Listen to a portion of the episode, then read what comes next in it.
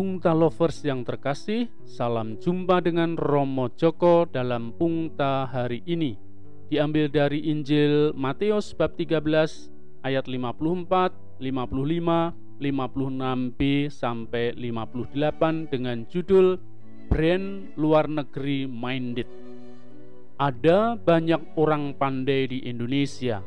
Sayang, mereka tidak dihargai di rumahnya sendiri justru orang asing atau bangsa lain yang memberi apresiasi dan penghargaan. Misalnya, Dr. Koirul Anwar, penemu teknologi broadband. Ya, semua gadget sekarang yang paling up to date menggunakan mode mobile 4G LTE adalah hasil karya beliau. Dipakai di luar negeri. Dr. Warsito Taruno, penemu mesin pembunuh kanker yang diakui di Jepang. Karya anak bangsa ini justru dipakai dan dihargai di luar negeri. Ricky Elson menciptakan mobil sport berbahan bakar listrik, tetapi hasil karyanya ditolak di rumah sendiri karena tidak lolos uji emisi. Namun Jepang mengambil karya Ricky ini untuk dikembangkan di sana. Dia pun kemudian ditarik bekerja di Kyoto, Jepang. Yang paling mutakhir adalah virus Nusantara karya Dr. Terawan Agus Putranto. Mantan Menteri Kesehatan itu mengembangkan metode dendritic cell vaksin. Namun BPOM tidak mengeluarkan izin uji klinis.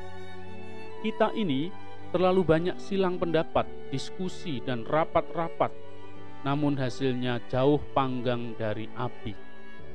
Pungta lovers yang terkasih, Yesus pulang kembali ke tempat asalnya.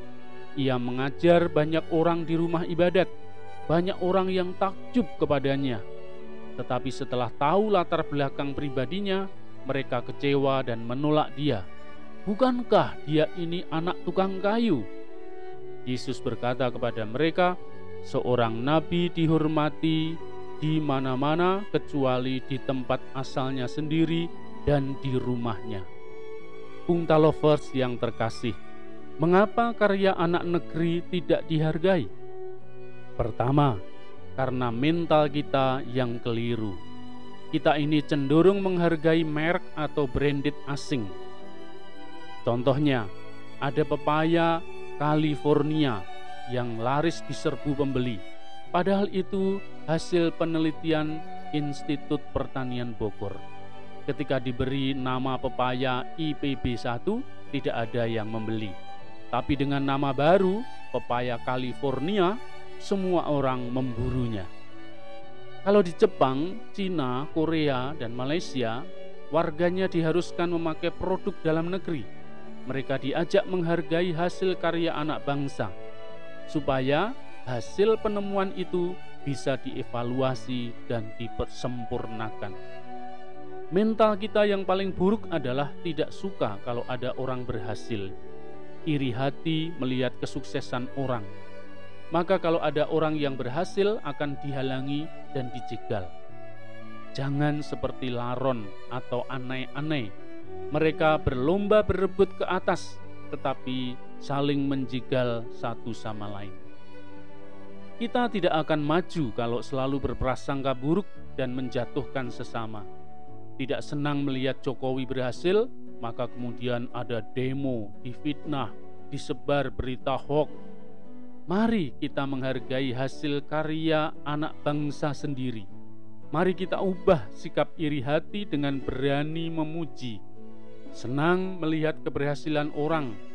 Itu adalah modal kita untuk bisa menghargai sesama. Mendaki ke puncak Merapi Pemandangan sungguh luar biasa. Mari kita hargai diri sendiri, Anda juga akan dihargai sesama. Sampai jumpa, salam sehat, selalu bahagia.